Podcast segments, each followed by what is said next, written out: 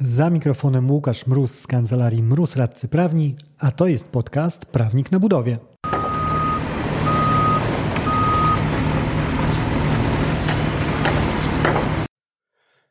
Jak oszczędzić 7 milionów złotych dzięki kombinacji klawiszy Ctrl i U?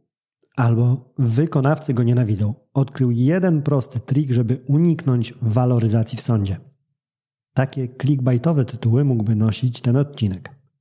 Opowiem w nim bowiem o pewnym procesie sądowym dotyczącym waloryzacji, w którym zamawiający nie musiał dopłacić 7 milionów złotych wykonawcy.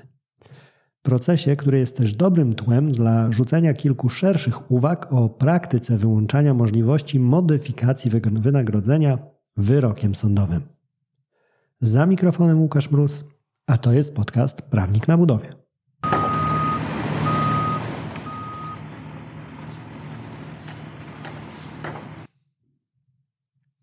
Waloryzacja jest tematem, przy którym trudno się nudzić.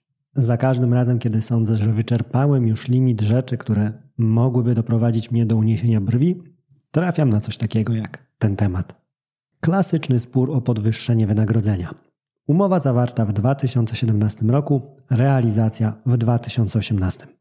Pamiętasz jeszcze prehistoryczne czasy przedcovidowe i temat toksycznych kontraktów, który wtedy rozgrywał branżę? To jeden z nich. Wykonawca w pozwie pisze o drastycznym wzroście cen materiałów budowlanych, wzrostach cen usług paliw i energii elektrycznej. Brzmi znajomo, prawda? Wskazuje też, ile musiał przez ten pakiet dołożyć do interesu. Dokładnie 6 milionów 898 762 zł i 2 grosze. Co wskazuje w kontrze zamawiający? Jedno postanowienie umowy. Brzmi ono następująco. Wynagrodzenie za wykonanie przedmiotu umowy ma charakter ryczałtowy. Jest ono stałe i niezmienne. Wykonawca nie będzie żądał jego podwyższenia. Wynagrodzenie obejmuje wszelkie koszty wykonania przedmiotu umowy, nawet jeśli w chwili zawarcia umowy nie można było przewidzieć rozmiaru i kosztów robót. Klasyka, prawda? Jeżeli rzucisz kamieniem w pokoju pełen rozłożonych umów o roboty budowlane, to jeżeli tylko uda ci się trafić w podłogę, ustrzelisz kontrakt, który będzie zawierał zastrzeżenie wyrażające podobną myśl. Tym, co odbiegało od klasyki, było proste rozwiązanie redakcyjne, które zamawiający zastosował do tego ustępu. Pracując nad nim w Wordzie, użył kombinacji klawiszy Ctrl i U, podkreślając tekst. Tego samego manewru nie zastosował do jakiejkolwiek innej jednostki redakcyjnej. Od razu nasuwa się pytanie, co poeta miał na myśli.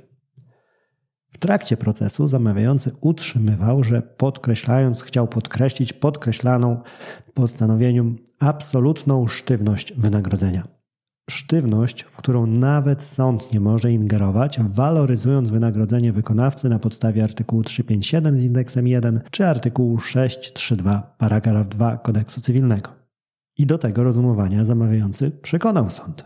Ten bowiem, zastanowiwszy się, stwierdził, że rzeczywiście, skoro wyłącznie w odniesieniu do tego jednego elementu kontraktu odpalono mechanizm kontrol i U, to znaczy, że określona w ustępie definitywność wynagrodzenia miała być definitywna niczym treść protokołu odbioru przedstawionego wykonawcy do podpisu przez inwestora o despotycznych zapędach.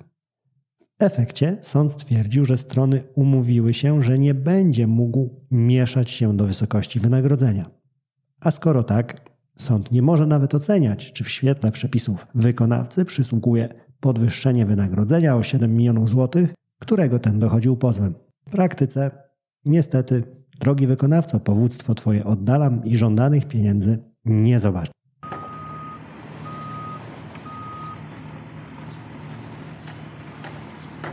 Rozstrzygnięcie sądu daje pole do dyskusji i to na więcej niż jednej płaszczyźnie.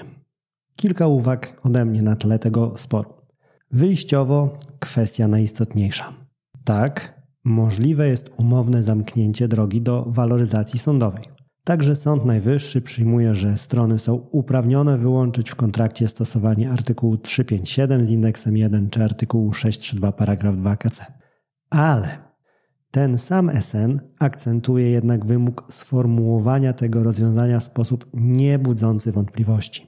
I słusznie. Waloryzacja sądowa jest rozwiązaniem tak ostatnio deskoratunkowym, że ruszając ją powinniśmy pokazać jednocześnie, że to właśnie jej ruszenie przedsiębierzemy.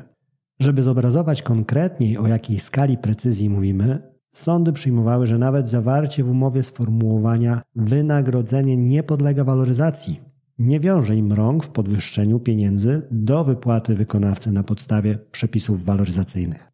Nieco na marginesie, zamawiający publiczni oraz podmioty, które de facto są monopolistą w danym obszarze inwestycji, powinny dwa razy zastanowić się nad próbą wyłączenia waloryzacji sądowej.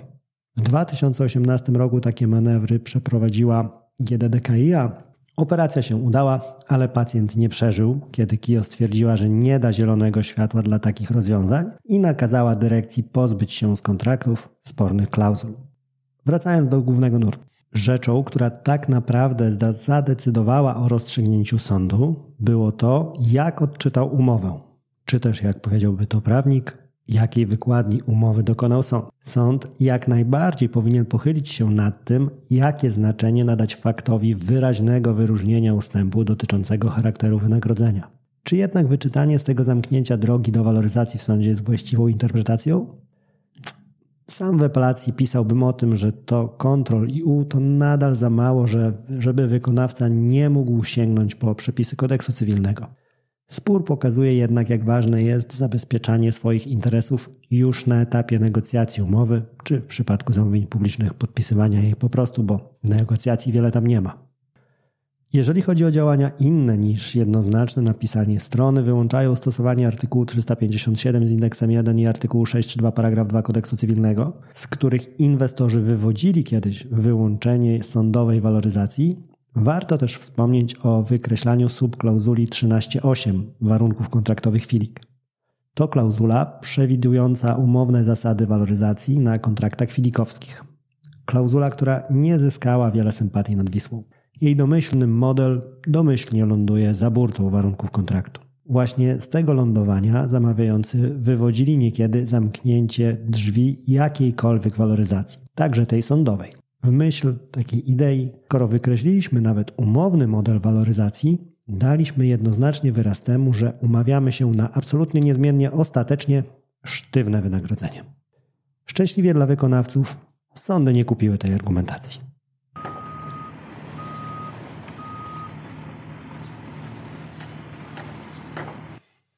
Sąd w tej sprawie zastanawiał się też nad jednym jeszcze interesującym wątkiem.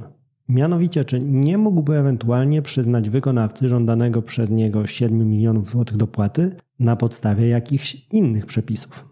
Oceniał to dwutorowo w świetle odszkodowania oraz bezpodstawnego wzbogacenia. Tory dwa, ale rezultat tożsamy. W obu przypadkach sąd stwierdził, że także tutaj nie widzi powodów do dopłaty.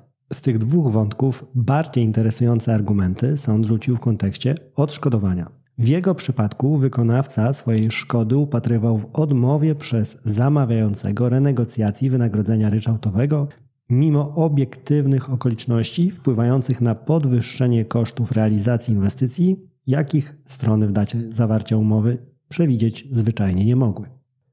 Sąd jednak nie dopatrzył się któregokolwiek z elementów potrzebnych dla zasądzenia odszkodowania na rzecz wykonawcy. Przede wszystkim sądowi brakowało zawinionego działania zamawiającego, którym uchybił on umowie.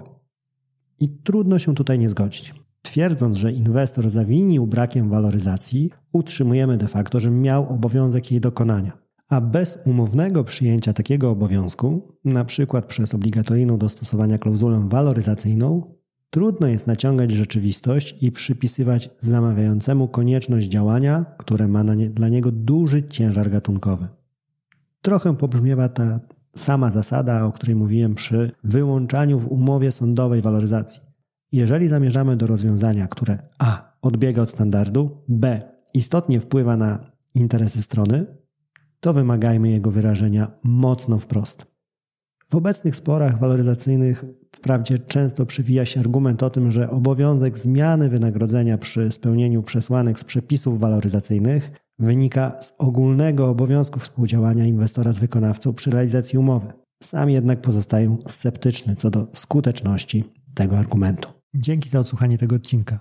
Jeżeli chcesz się ze mną skontaktować, możesz napisać na biuro małpa albo zadzwonić na 577 665 077. Znajdziesz mnie też w mediach społecznościowych.